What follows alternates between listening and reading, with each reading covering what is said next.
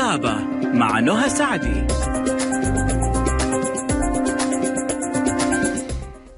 الرحمن الرحيم. السلام عليكم ورحمة الله وبركاته. أحلى مستمعين مستمعي ألف ألف أفهم. الموجة السعودية مستمعي برنامج طبابة ألف اللي بيجيكم يوميا من الأحد للخميس بإذن الله. معي أنا نهى سعدي من الساعة واحدة للساعة 2 بعد الظهر ساعة خفيفة لطيفة معنا ضيف ضيفنا بيكون من النخبة والنخبة فقط من الأطباء والمختصين في مجالهم.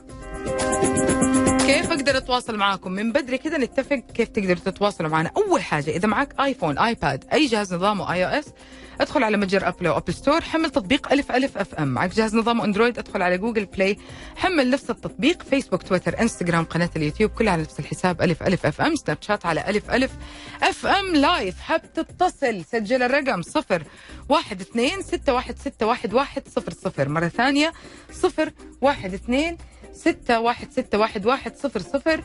حاب ترسل رسالة واتساب وأنا أنصحك ترسل وحقول لك الآن ليه. أرسل الرسالة على صفر خمسة خمسة ستة ستة ثمانية تسعة صفر صفر واحد. صفر خمسة خمسة ستة ستة ثمانية تسعة صفر صفر واحد. اليوم بيكون معانا النهدي كير. وأنتم عارفين يعني فخامة في الأطباء صراحة ورقي وزي ما قلت لكم الحلقة اللي فاتت واللي قبلها. التقاء الخبرات مع التطور وهذا بيكون أفضل مكان أفضل مكان تنخدم فيه من القلب صراحة. أنت تحس إنه أنت والحلو إنه على فكرة في ناس يحبوا يسألوا طبيبهم طب أنت إيش اختصاصك؟ طب أنت إيش درست؟ طب أنت قديش خبرتك؟ بس ما بيجينا المجال إيه إنه إحنا مثلا ممكن نسأل هذا السؤال. أنا ما أبغى الكلام يضيعني وما أقول لكم إنه في جائزة مو جائزة. ثلاثة جوائز مقدمينها. النهدي كير حقول لكم تفاصيلها الآن. بس خليني أعرفكم على ضيفتنا اليوم الدكتورة هبة بركات طبيب تغذية إكلينيكية بكالوريوس طب وجراحة ما شاء الله ماجستير تغذية إكلينيكية آه، دبلوم إدارة الجودة في المنشآت الصحية خبرة 22 عام آه، معنا هنا في المملكة منورتنا من 2011 آه، حتكلمنا عن شوفوا رمضان جاي.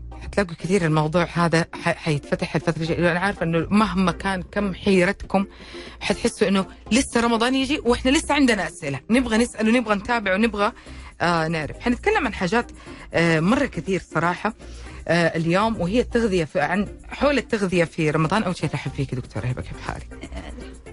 مساء الخير ازيك يا نهى. مساء الخير على المستمعين جميعا.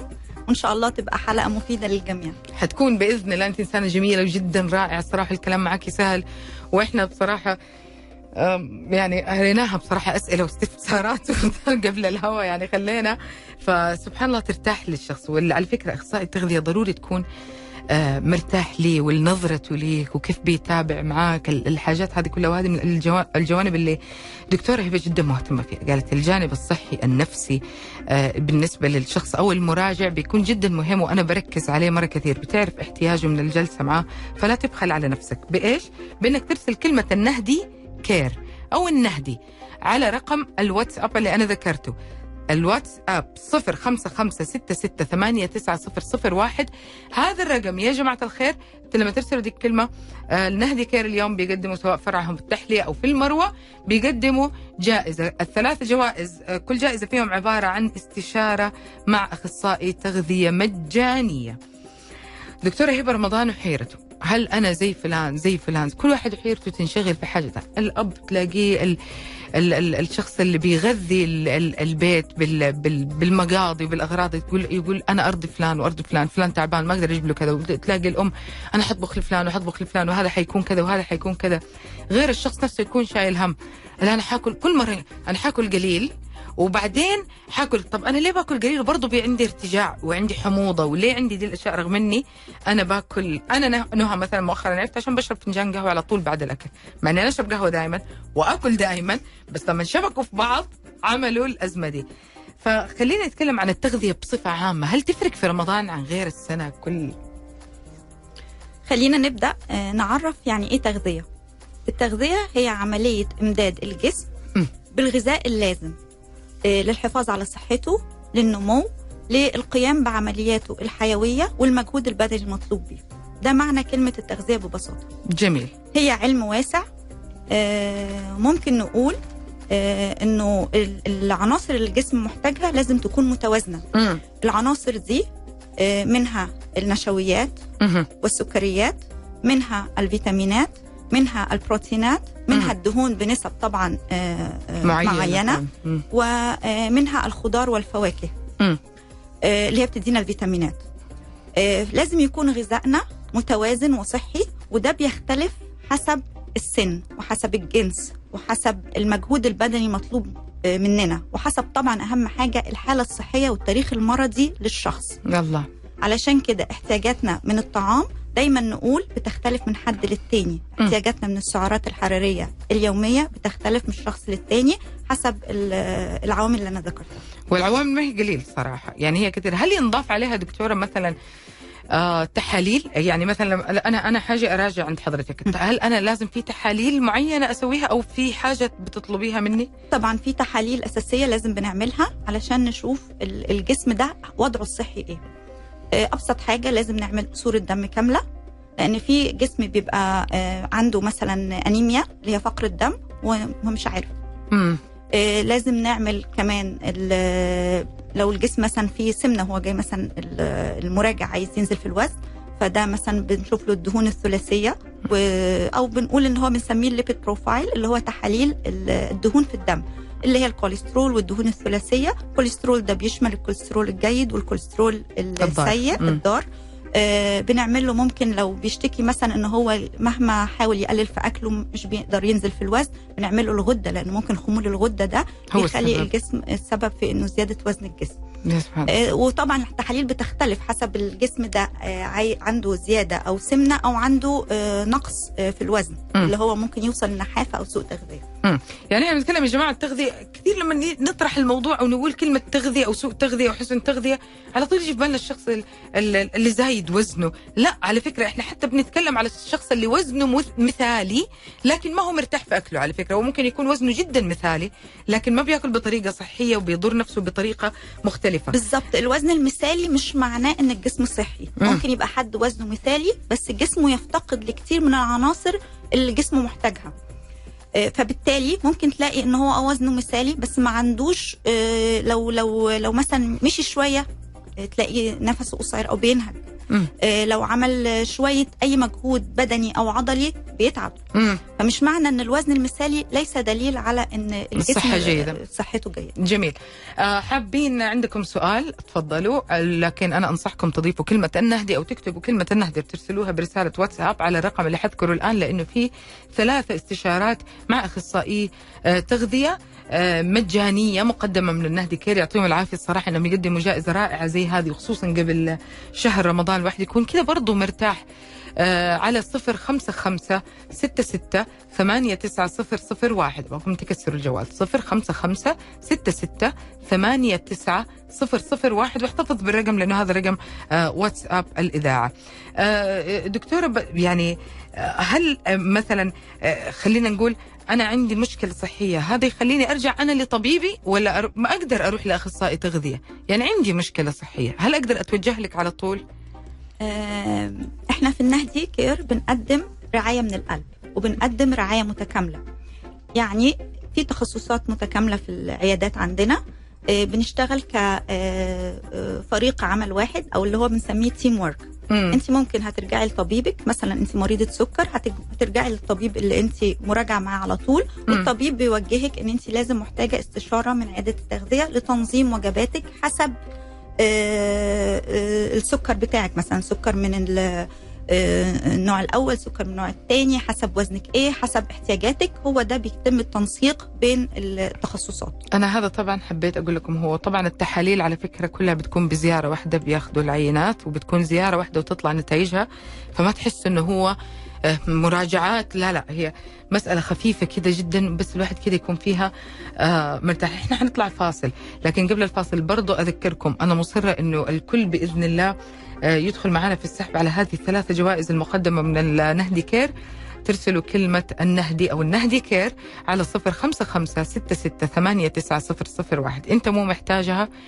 عندك أخ عندك ابن عندك أخت عندنا الأم اللي هي أغلى حاجة في الدنيا عندنا ال ال الأب اللي إحنا نبغى نهتم في صحتهم شوية. وفي ناس منهم يسمعوا بس من الطبيب أو المختص بيكون أريح لقلبهم فاصل قصير جدا وراجعين.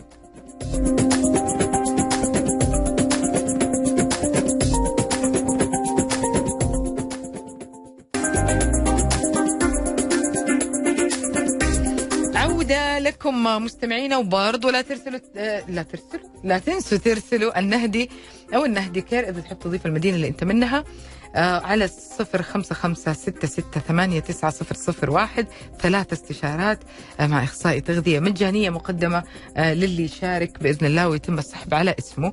ضيفتنا اليوم الدكتورة هبة بركات طبيب تغذية إكلينيكية.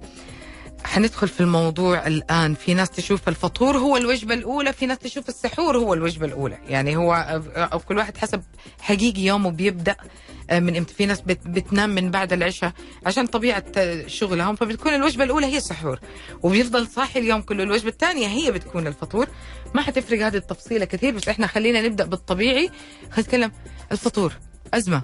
ومشكلة أكل شوية أكل شويتين أكل كثير أشبع ما أشبع نوع الأكل.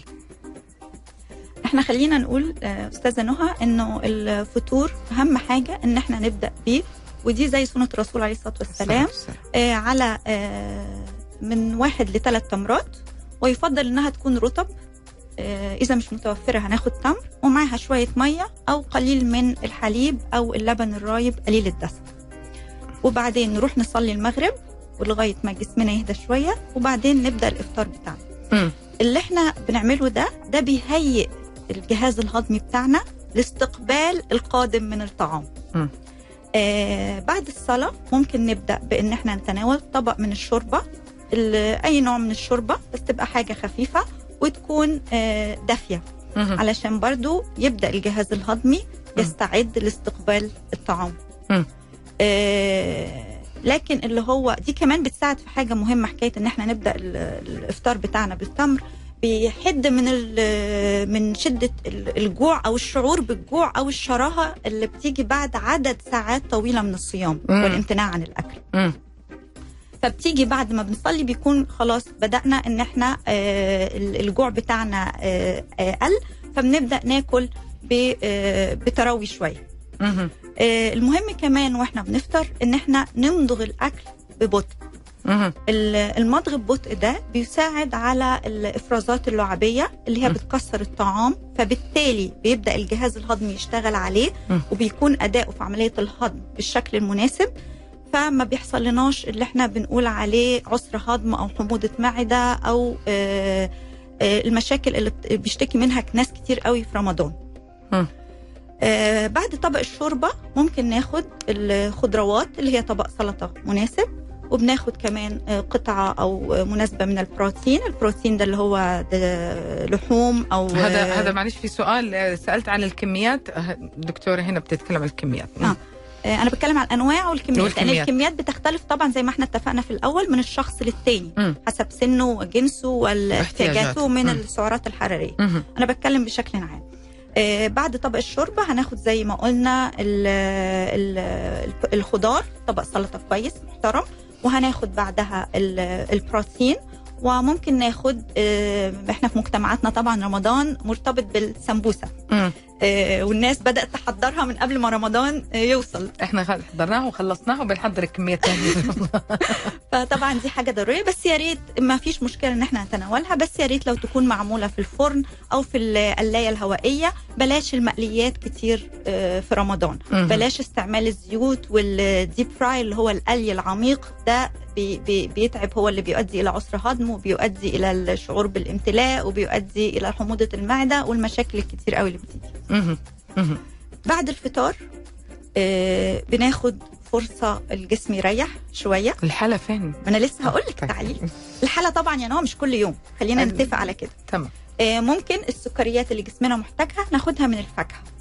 وأفضل إن الفاكهة نتناولها صحيحة. الصحيحة دي بتدينا آه، الألياف مم. أو لو إحنا محتاجين نعملها عصير هنعملها عصير بس في الخلاط وليس في العصارة نص نص نص ضربة خلاط يكون أو آه. ثلاث أرباع يعني ما Yes. يكون آه، ب- ونسيبها زي ما بيقولوا آه، بتبقى بأليافها ما نصفيهاش لأن الألياف دي هي الحاجة مهمة جدا من اللي إحنا بناخدها من الفواكه أو اللي بناكل الفواكه من اجلها مم. آه، هل هل صحيح دكتورة إنه الف- الفاكهة لما تنعصر آه، تتغير سعراتها الحرارية تزيد؟ إنه لما تتحول لعصير؟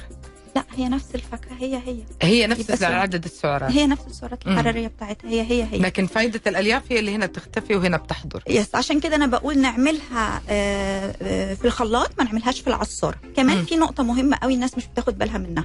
إحنا لما بنعمل العصير في العصارة مثلا لو أنت عصرتي تفاحة أو آه، عصرتي برتقان الكمية اللي انت بتطلعيها من العصارة أقل بكتير من اللي بتبقى في الخلاط. الناتج النهائي. مم. فبالتالي انت بتستهلكي عدد أكبر من الفاكهة عشان تطلعي آه، آه، على سبيل المثال كوباية. كمية أقل. مم. فانت بالتالي بتاخدي سكر زيادة من سكر الفاكهة. مم. وسكر الفاكهة الزيادة عن احتياجنا بيتحول في جسمنا إلى دهون. صح. الله. فعلشان كده إما ناكلها صحيحة مم. إما نعملها عصير بس ما نزودش عن كمية الفاكهة اللي إحنا محتاجينها. جميل. الحلا طبعا آه، في رمضان. آه، اللي هو. شهر الصيام طبعا بس إحنا مرتبط معانا اللي هي بالحلويات اللي هي موجودة ومتوفرة طول السنة بس هي مرتبطة معانا آه، في رمضان. آه، ممكن ناخد خلينا نقول يومين في. آه، آه، لو هناخد حلوى من الحلويات الشرقية مثلا ناخد زي حجم نص كف اليد مثلا. آه، ممكن نعمل مثلا اللي هو ال- المهلبية آه، نعملها بحليب قليل الدسم. ممكن لو حد عايز آه، آه، يحافظ على وزنه ويقلله يستعمل اللي هي ال- ال- المحليات الصناعية. آه، يعني نتحايل على الحاجة علشان تكون آه، مفيدة. وبأقل آه، آه، د- دكتورة لاحظت كثير في في حوار حضرتك يعني في في طرحك وهذا شيء جدا جميل إنه ما في حرمان. لكن طريقة صنع ال ال الأكل نفسه أو الح يعني بالعكس يعني هي صارت ممتعة أكثر هو يعني الناس هي بتر... اللي بتفرق. الناس دايما بت... بتعتبر كلمة diet إن هو حرمان وإنه هروح للطبيب أخصائي التغذية. يقول لي اعمل آه، واحد اتنين تلاتة وما تعملش وما تسويش. غلط. ال diet معناه نمط حياة. أغير نمط حياتي للأسلم وللصحيح. من وكله بيمشي موازي لبعضه يعني كله حاجات لازم نظبطها مع بعضها. نظام الأكل بتاعنا هناكل كل حاجة بس الموضوع بيعتمد على الكي... الكمية والكيفية اللي بناكل بيها. يعني أنا قلت ناكل سمبوسة بس ناكلها في الفرن ما ناكلهاش مقلية. هناكل بطاطس ناكلها ومش 15 حبة بالظبط كده مم. عشان لا- كميه مهمة برضو يعني ناخد كل حاجة بس ناكلها من نفسنا وبالطريقة الصحيحة. آه نعمل رياضة آه نحافظ على مواعيد النوم والصحيان بتاعتنا بان إحنا ناخد عدد كافي من ساعات النوم. كل الحاجات دي كلها مهمة جدا. حاجة. مهمة جدا الناس بتنساها في رمضان شرب المية. المية ربنا سبحانه وتعالى قال لنا وجعلنا من الماء كل شيء حي. المية مهمة لتخليص الجسم من آه، كل ال- آه، آه، آه، السموم اللي بتطلع من نواتج التمثيل الغذائي والعمليات الحيوية اللي بتحصل فيه. المية مهمة ل- للبشرة مهمة للشعر مهمة لكل حاجة م. آه، في رمضان في ناس كتير قوي بتنسى شرب المية فأنا بنصح إن إحنا نشرب كوباية مية كل ساعة من وقت الفطار إلى وقت السحور. في ناس بتغلط في حاجة كمان في رمضان إنها ما بتشربش طول الوقت من بعد الإفطار للسحور وتيجي تشرب كميات كبيرة من المية على السحور 17 قررت مم. فللأسف إحنا جسم الإنسان ما بيخزنش مية زي مثلا الجمل حيتخلص من كل حيتخلص الزيادة بالضبط. وحياخد الحاجة اللي ف... وحدها فهتلاقي طب هذا يفرق إيش دكتورة إذا كان قسم الكميات خلال اليوم إن هو جس... قسم لما يقسم الكميات من الإفطار ل... للسحور الجسم بياخدها آه، بال... بالطريقة اللي هو محتاجها بيها. لكن لو أشرب مية مرة واحدة مية كتير في وقت السحور ده هيدخل ال... ال... هيتخلص من البول بشكل كبير مرة واحدة مم. فبالتالي جسمه هيبقى فيه جفاف تاني يوم في الصيام. دكتورة ب- يعني أنا أنا حابة بس أرد على الشخص من متابعينا أبو عبد الله. يعني بيسأل سؤال أنا متأكدة إنه يهمه إجابته كثير. بيقول إيش الفطور المثالي لمريض السكر النوع الثاني؟ يعني في كم سؤال الآن حنقراهم إيش الفطور المثالي لمريض السكر النوع الثاني؟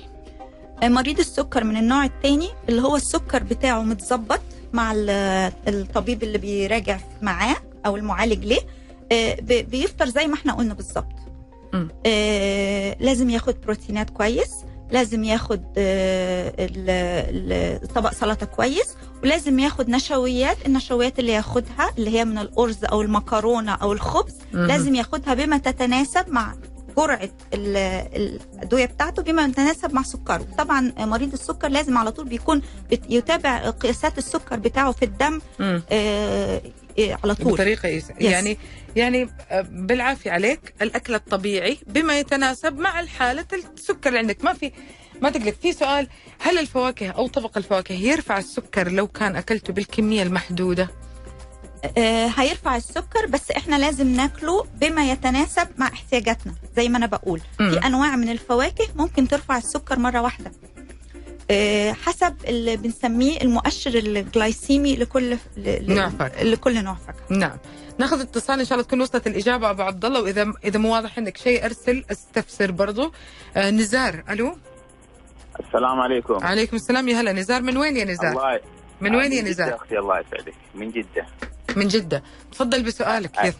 الله يسعدك. نبغى نسال الدكتور آه، والله بخصوص التغذية أنا أنا أنا كنت آه، أنا الحين حاليا في حمية الكيتو لي ثلاثة شهور والحمد لله خلاص نزل وزني والصحة الحمد لله تحسنت في حاجات كثيرة. آه، بس أنا حاب أخرج الحين من حمية الكيتو هذه بس أبغى أعرف الطريقة المناسبة للخروج. جميل سؤالك جميل. حلو. اسمعنا يا نزار عن طريق الراديو اسمع الإجابة من دكتورة هبة. تفضلي دكتورة. آه، الأخ نزار أهلا بيك. إحنا كنا لسه قبل الهوا بنتكلم عن ال keto diet. آه، علشان الحمد لله إن أنت قدرت تنزل فيه على الوزن اللي أنت حابه. آه، في حاجة خطيرة جدا. لو خرجت من الكيتو آه، فجأة فده هيخليك ممكن إن أنت وزنك آه، للأسف يرجع يزيد وممكن يزيد أكتر من اللي أنت نزلته. فالخروج منه الخروج الآمن من الكيتو لازم يكون تحت متابعة آه، طبيب أو أخصائي. تغذية. ولازم لأنه إحنا لازم نبدأ ندخل ال- الكربوهيدرات اللي هو كان عامل لها أصلا آه، آه، مقللها جدا جدا جدا. لازم نبدأ ندخلها بالتدريج وبشكل مدروس. فأنا أنصحك إن أنت لازم تتابع مع أخصائي تغذية أو طبيب مش لوحدك المرحلة دي. معانا سؤال ومعانا استفسار لكن حنطلع فاصل قصير. حبايبي أرسلوا كلمة النهدي عشان تربحوا معانا الجائزة المقدمة من النهدي كير يعطيهم العافية. آه اللي هي استشارة مع أخصائي آه تغذية آه مجانية لثلاثة من الرابحين المستمعين إذاعة ألف ألف أف أم. آه على صفر أرسل بس كلمة النهدي على صفر خمسة خمسة ستة ستة ثمانية تسعة صفر صفر واحد. صفر خمسة خمسة ستة ستة ثمانية تسعة صفر صفر واحد. ممكن تكون أونلاين ممكن تكون مباشرة آه، بس شاركوا. وخليكم على السمع فاصل قصير.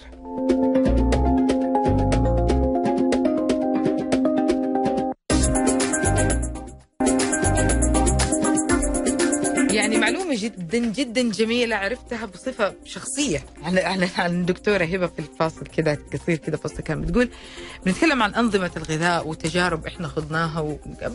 طبيعي إحنا بنكتب معلش خلينا صريحين إحنا بنكتب في جوجل كيف أنحف حتى كيف أنحف في شهر رمضان. بأسرع طريقة ممكنة. كيف أستغل؟ يعني إحنا بندور على كده. فقالت لي حاجة جدا جميلة. كأخصائية هذه أنا يعني قبعه احترام صراحة تقول أنا أجرب كل الأنظمة عشان حتى لما أتكلم وأوصف آه الأنظمة الحين عشان لما أتكلم وأوصف آه لل- للشخص أو المراجع أكون قريبة من الحدث. يعني ما يكون وأنا أشوف أنا هذا أنا أقول لكم أنا نهى هذا صار شرطي في اي اخصائي تغذية قاب جربته؟ حقول له.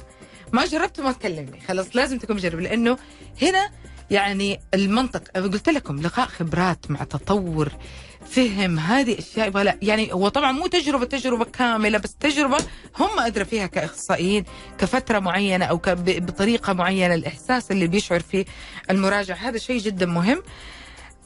أنا آسفة إنه أنا نقلت كلامنا اللي تحت الهواء على الهواء بس هذا من الإعجاب هذا من الإعجاب. الله يخليك. آه، دكتورة في هنا سؤال عموما دائما في الحلقات اللي زي هذه مريض السكر بيكون جدا جدا. وأنا ما أحب أقول عليه مريض السكر. يعني أنا يعني اللي عنده مشاكل في السكر.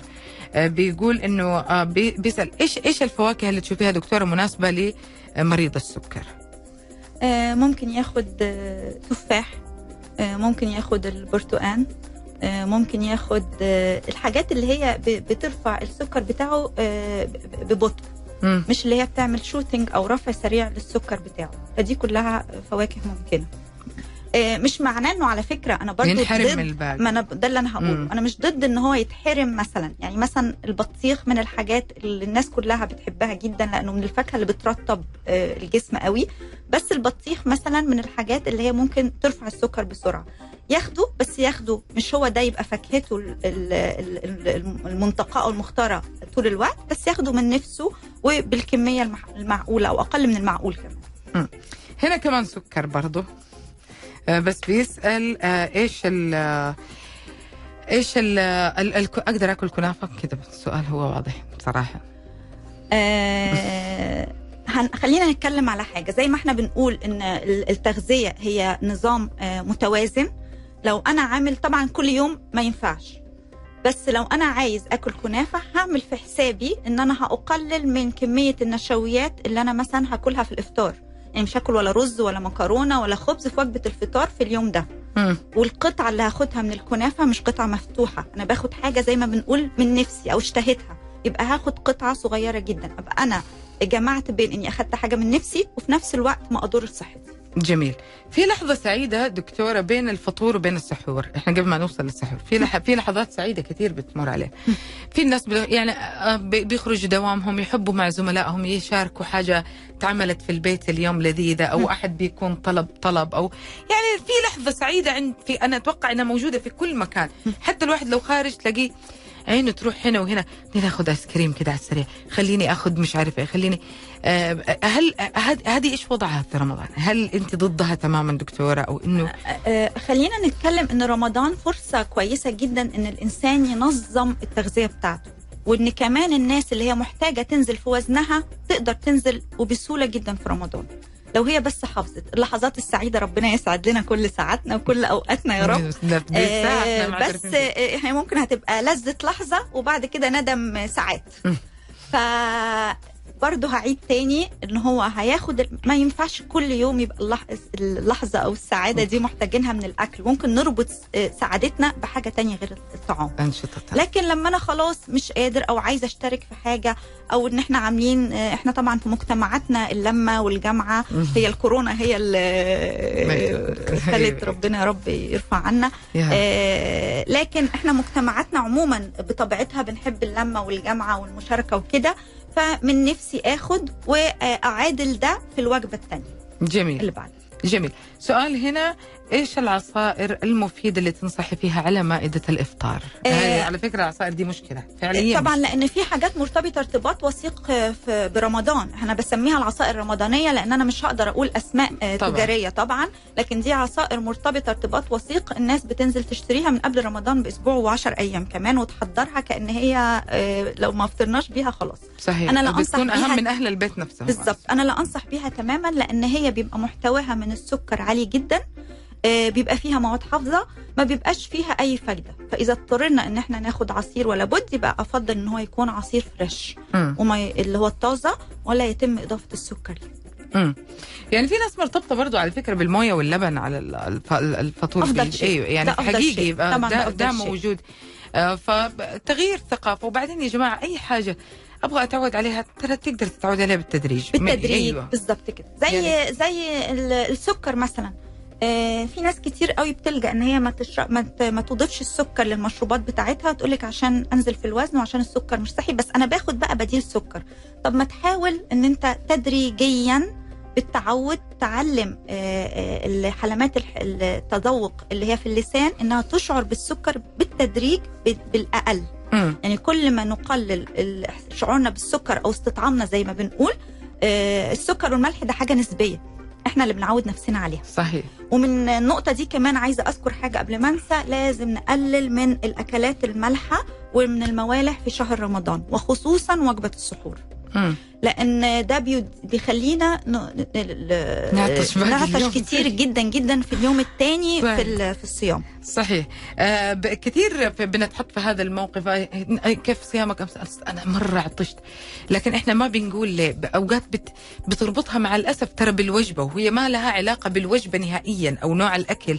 هي آه، فعلا بتكون علاقتها آه، مرتبطة بالتوابل والملح تحديدا وكمه اللي موجود كان في هذا الأكل. أنا من الناس ما أعرف دكتور هذا هذا أنا حقوله. أنا يا أنا من برضو أنا من الناس اللي لو أكلت حلو. وكانت آخر وجباتي حلو غير التمر صراحة. بعطش باقي اليوم. السكر بي بيسبب لي حالة عطش غريبة. لا دي ممكن تكون حاجة يعني أنا أنا بيعطشني. يعني فانا بقول لك سبحان الله كل واحد يقرأ نفسه يعني يقرأ يقرأ فعلا ترى جسمه. بتبقي يعني أنا بقول لك اللي صح بتبقي عارفة إيه اللي كل واحد أنا أنا مو متعود على الأكل المالح ما يهمني ما ما بحس بالعكس بالملح. الملح عندي م- تمام إن شاء الله لكن من الأشياء اللي أحس اللي هي لو طعمها قوي وكان في هذه القوة وكمان حقة الحلبات فكل واحد سبحان الله يقرأ نفسه فتفاد الشيء سواء كان نفسي أو كان آه طيب إحنا بننتقل من هذه بس قبل ما ننتقل للسحور خليني أذكرهم بطرق التواصل. أنا أبغاكم تتصلوا على 012 61 61 100 012 616 1100 هذا لو حتتصل حاب ترسل رسالة وانصحك ترسل رسالة مكتوب فيها النهدي الآن فورا عشان في ثلاث جلسات من النهدي كير. حيخدموك فيها من القلب حقيقي من القلب. حتكون آه ثلاثة مجانية لثلاثة آه مختلفين من المستمعين. شارك يا عمي على صفر خمسة خمسة ستة ستة ثمانية تسعة صفر صفر واحد. سجل الرقم أرسل كلمة النهدي بس. صفر خمسة خمسة ستة ستة ثمانية تسعة صفر صفر واحد. آه طب سؤال على السريع نجاوب عليه ونطلع الفاصل آه بتقول أو بيقول بخصوص المشي على معدة فارغة في رمضان يعني قبل الفطور هل هذا صحيح أم خاطئ؟ آه، حاجة مهمة قوي اللي هي رياضة في رمضان دي حاجة من الحاجات المهمة قوي اللي إحنا نتكلم عليها وشكرا على السؤال ده آه، لو هنعمل رياضة قبل الفطار بأفضل إنها تكون خلال الساعة أو بالكثير قوي الساعة ونص اللي بتسبق الإفطار مم.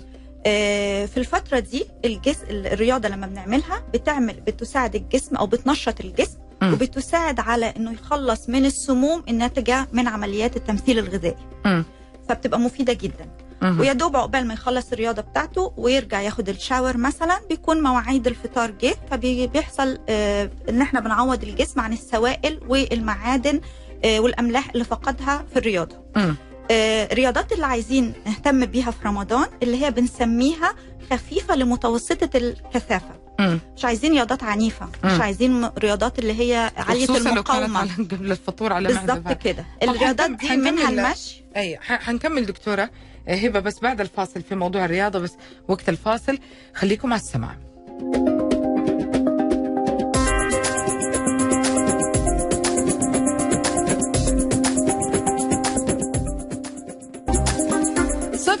50 66 8 9 صفرين واحد. على فكرة هذه آخر فقراتنا. اتصالاتكم على صفر 12 61 61 100 أرسلوا كلمة النهدي تربحوا معنا بإذن الله تدخلوا في السحب على آه، الاستشارة آه، استشارة مع أخصائي تغذية في فروع النهدي آه، كير. بس أرسلوا كلمة النهدي 055 668 9 صفر صفر واحد. داهمنا الفاصل وإحنا بنتكلم عن الرياضة. كنا بنقول لا الرياضة فعلا صحية لما تكون على معدة فارغة. بس قبل ما ننتقل بس عايزين آه، نذكر حاجة أيوة. معلش يا نهى. بس هل هي دكتورة قريبة ج- لازم تكون قريبة من وقت الفطور؟ يس الساعة أو الساعة ونص اللي على طول قبل عشان الإفطار ما يعطش. آه ودي اللي اللي يمارسوا الرياضة في الوقت ده اللي هم الناس اللي صحتهم كويسة ال- الشباب ال- لكن الناس اللي عندهم آه، مشاكل صحية زي السكر زي القلب زي ارتفاع ضغط الدم أنصحهم بإنهم يأجلوا آه، ممارسة الرياضة لبعد. الإفطار. ممارسة الرياضة بعد الإفطار بتبقى نستنى 3 إلى 4 ساعات. جميل. ودي برضو لها ميزة. يعني ده ليه ميزة وده ليه ميزة. آه، ممارسة الرياضة بعد الإفطار بتخلينا آه، بنشتغل على حرق السعرات الحرارية في الأكل اللي أكلناه في وجبة الإفطار. مم. بس أهم حاجة برضو في قبل الفطار إن إحنا نكون الرياضة بنعملها في جو جيد التهوية. آه، التكييف كويس. آه، نهتم بأنواع الرياضة زي ما أنا قلتها منها المشي منها الجري منها ممكن نط الحبل ممكن اللي هو ال treadmill ممكن الدراجة بلاش الحاجات عالية المقاومة مم. آه عايزة أقول حاجة كمان إن مم. الرياضة مهمة في رمضان وبره رمضان مم. تنظيم الرياضة مع تنظيم الأكل المتوازن الصحي بالكميات اللي جسمنا محتاجها ده بيساعد على الاحتفاظ بصحة جيدة للجسم مم. وبيساعدنا على نزول الوزن نمط الحياة الصحي بيكون خلال السنة كلها. يلا ألو؟ ألو؟ ألو. هلا يا مريم. ألو. ألو. أيوه السلام عليكم. يا هلا. ألو. آه، طب م- مريم معلش آه، لو تبلغي بس ال هنا ال- ال- المهندسين الصوت بس إيش سؤالك؟ لأن إحنا مو قادرين نسمعك يمكن عن طريق الهاتف يسمعوك بصورة أوضح. آه، طيب آه عايزين نتكلم بقى كمان في ناس ممكن يكون الوزن بتاعها كويس مثالي آه ممكن تكون بتتغذى مظبوط بس تقولك مثلا أنا عندي آه منطقة في جسمي مضايقاني. آه مهما عملت من رياضة مهما آه اتبعت أنظمة أو أكل كويس المنطقة دي ما بتنزلش مم. آه عادة بتكون اللي هي المنطقة دي فيها ما بنسميه الدهون العنيدة مم. الدهون العنيدة دي بتتركز في جسمنا أكتر حاجة في منطقة البطن منطقة الأرداف و... آه، وعند ناس كتير في ال- الدراعات كمان مم. إحنا بنحب نقول إن إحنا عندنا في عيادات النهدي عندنا أحدث الأجهزة اللي بتشتغل على الدهون الموضعية اللي هو جهاز الانكيرف. الجهاز ده واخد شهادة اعتماد وموافقة من الهيئه الهيئة السعودية للدواء والغذاء ومن الاتحاد الأوروبي في سلامته في كفاءته وفي آه، أمانه أمانه أو فعاليته مم. وفعاليته طبعا الجهاز ده ممكن نستعمله لأي حد. أما بنحسب له آه، آه، معامل كتلة الجسم اللي هو بنحسبه الوزن على مربع الطول. لو آه، آه، لغاية آه، 35 فهو آمن إن هو يشتغل عليه. جميل. آه، ما يكونش حاطط أي آه، شرايح أو أي زراعات معدنية. دي حاجة مهمة. ما يكونش عنده أمراض مزمنة آه، وصح مش مستقر. يعني مهما كان برضو على فكرة في لقاء مع الطبيب والمختص هناك اللي حيوجهك لأنه هل هذا الجهاز ينفعك أو لا؟ وعدد الجلسات يتهيأ لي اللي هو بيبقى الكورس الجلسات بتاعه من 6 ل 8 جلسات حسب. كل حالة. إيه حسب و- إيش يناسبك بس أنا عايزة أضيف إن الجهاز ده ما بينزلش على الميزان وزن هو بينزل بالمقاييس بالسنتيمترات أكيد. بالقياسات. أكيد. وبالتالي بعد الكورس ده هتلاقي مقاس الملابس اتغير نفسه. الجهاز ده كمان آمن لأن في ناس طبعا بالذات في الفترة اللي إحنا فيها دي بتخاف من انتقال العدوى أو كده. الجهاز ده ما بيلمس المنطقة المعالجة. بيبقى في فرق حوالي من 2 ل 5 سنتيمتر بين الجهاز والمنطقة المعالجة. مم. فده بيساعد على الحفاظ على طبقات الجلد وبنفس الوقت بيحافظ على إنه ما ينتقلش عدوى من شخص لآخر. طيب إحنا يعني ال ال باقي باقي خمس دقائق قدامنا لنهايه الحلقة. حابين ننتقل للسحور ال- ال- ال- السحور من الوجبات اللي وجبة الرعب أنا اسميه كله خايف. إيش أكثر أكثر أكثر سؤال ممكن حتى إحنا بنسأله بعض في البيت؟ آه معلش بس إيش أكثر شيء يخليني أشبع أكثر مدة ممكنة؟ إيش أكثر شيء يشبعني إيش أكثر؟ هذه أكثر حاجة. وفي من اللي بيسال صحي كل واحد سبحان الله حسب يا جماعة ترى على فكرة برضو آه، حالته الصحية والنفسية هو هذا بيكون سؤال. سحور أتسحر إيه؟ إحنا بنتكلم عامة طبعا للفرد السليم اللي ما عندوش أي مشاكل صحية. السحور أهم حاجة فيه إن إحنا آه ناخد حاجات تقدر تصمد معانا في الصيام تاني يوم. آه، ممكن ناخد فيه البروتينات لأن البروتينات من الحاجات اللي بتشبعنا لفترة كبيرة. آه، ممكن ناخد بروتين آه، زي البيض ممكن ناخد زي ال- آه، الفراخ ممكن ناخد بروتين نباتي زي الفول أو زي العدس. مم. ده مفي- مفيد جدا. مهم جدا في السحور إن إحنا ناخد كمان آه، آه، حاجة محتواها المائي عالي زي الخيار لأن دي بتخلي الجسم مرطب تاني يوم في ساعات الصيام. حلو. الخيار أو الخس. مم. آه، مهم كمان في السحور وبالذات لمرض الناس اللي عايزة تنزل في الوزن ممكن ما تاخدش عيش أو كده في السحور مم. بس أنا لازم مرضى السكر إن هم ياخدوا آه، طبعا أنا بتكلم عن العيش اللي هو العيش الصحي العيش البني أو مم. شرايح التوست الحبوب الكاملة أو البني لازم ياخد مريض السكر ياخدها في السحور مم. في ناس بقى ممكن تاخد نوع نوع أو نوعين من الفواكه مع زبادي في السحور مفيش مشكلة برضو بس اللي هنصحه حاجة مهمة قوي إن إحنا ما ناخدش زي ما قلنا حاجات مالحة كتير ونقلل الملح جدا جدا جدا في أكلنا في وجبة السحور كمان ما ناخدش آه، الحاجات المواد اللي فيها كافيين عالي. في السحور. لأنها مضرة للبول فبالتالي هتنزل المية من. الجسم وهتخلينا نشعر بالجفاف تاني يوم. يعني آه، ال- ال- السحور آه، بالنسبة للناس آه، مرة كثير هو هو ركيزة باقي اليوم خصوصا اللي. حينام ساعتين ومهم كمان بس آه مهم كمان بقى بما بالنوم إن إحنا ما نتسحرش وننام مباشرة.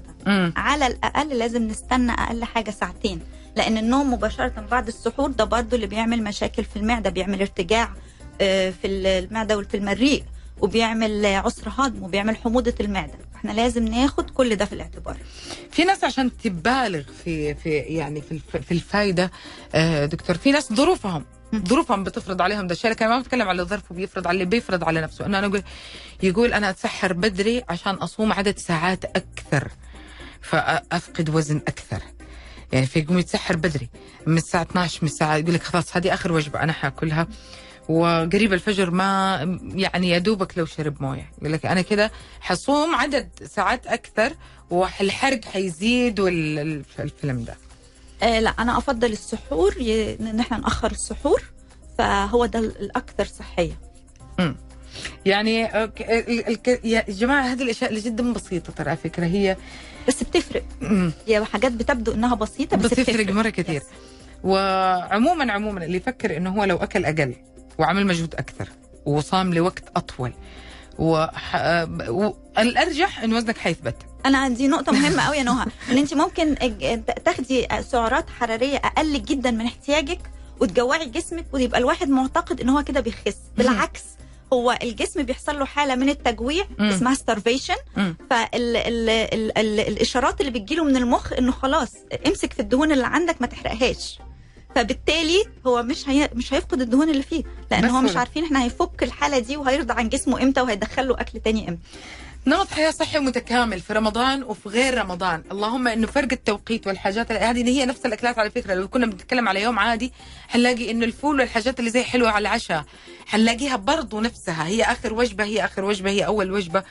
هي أول وجبة. في النهاية أنا أقول لكم الله يشفي كل مريض وبإذن الله إنه كل أحد فيكم يكون في أحلى آه يعني أحلى ما يحب يشوفه في نفسه. وهذا هو أهم شيء. كنا بنتكلم برضو تحت الهواء قبل البرنامج إنه أنت تفكر إنه النحف الزايد هو الأفضل لكن يفرق تفرق إنه حتى ال- أوقات يكون حتى مو الزيادة. خليني أقول إنه تكون شخص شكلك طبيعي. هذا بيكون شيء جدا أجمل. نمط الحياة هذا المفروض يتعمم تماما. وأرجع أقول إحنا في الآخر كلنا عيلة بنكون موجودين في البيت. حالتنا الصحية كلها تختلف عن بعض. في وجبات كثير نقدر كلنا نلتقي فيها ونستمتع فيها. بدل ما يفضل في خاطر مريض السكر الأكلة الفلانية ومريض مش عارف إيش الأكلة الفلانية وأنا حاططها قدامه آه وأكلها. لو أنا والله ما أبغاه وهي قاعدة بتضرني بتوصل لي المرحلة. ففي والأم اللي بتدخل ال- المطبخ وبتتعب يا جماعة الخير وبتقول ما حتعمل لك نوع نوع نوع إلا ونتفق كلنا. الأب اللي بيكون اللي, اللي بي- بيوفر كل هذه الحاجات حقيقي حقيقي أشياء مرة كثيرة اهتموا فيها. رمضان شهر الخير. إن شاء الله يا رب يبلغنا رمضان لا فاقدين رب. ولا مفقودين يا يا رب. دكتورة هبة أنت إنسانة جدا رائعة. الله يخليك. رائع استمتعنا في الحلقة. ما كأنه عدت الساعة الصراحة ونحس إنه لسه كده في كلام. الله يسعدك وشكرا على وجودك معنا. شكرا لكم ورمضان كريم علينا جميعا وعلى بلادنا كلها. دكتورة هبة دكتورة هبة بركات طبيب تغذية كلينيكية بكالوريوس طب وجراحة ماجستير تغذية كلينيكية دبلوم إدارة الجودة في المنشآت الصحية خبرة 22 عام في المجال ما شاء الله. وتعمل آه، معنا موجودة معنا بالمملكة منورتنا من 2011 يعني أنا أشوف هذا شيء جدا جميل. شايفة طبيعة البلد شايفة الحر شايفة البرد شايفة كيف بيكون الأجواء شايفة كيف بيكون تأثير أشياء مرة كثير. أحب أروح لخبير أحب أروح لصاحب تجربة ودكتورة هبة حققت الحاجتين. شكرا لكم على رسائلكم اللي جدا جميلة في في الأخير هذا اللي اللي وصلت. آه ونعتذر من الاتصالات اللي ما أخذناها ومن الرسائل اللي ما ردينا عليها بس إن شاء الله نكون وفينا وكفينا. في كم المعلومات اللي قلناها. شكرا هالة منصور معنا من الإخراج يعطيك العافية. آه وشكرا لكل المستمعين واللي ما سمعونا كمان. شكرا كنت معكم نهى سعدي على أمل يتجدد لقائي فيكم لا تنسوا. بكرة الساعة 10 الصباح في برنامج تيمبو. كنت معاكم أنا نهى سعدي أمان الكريم وانتبهوا لبعض.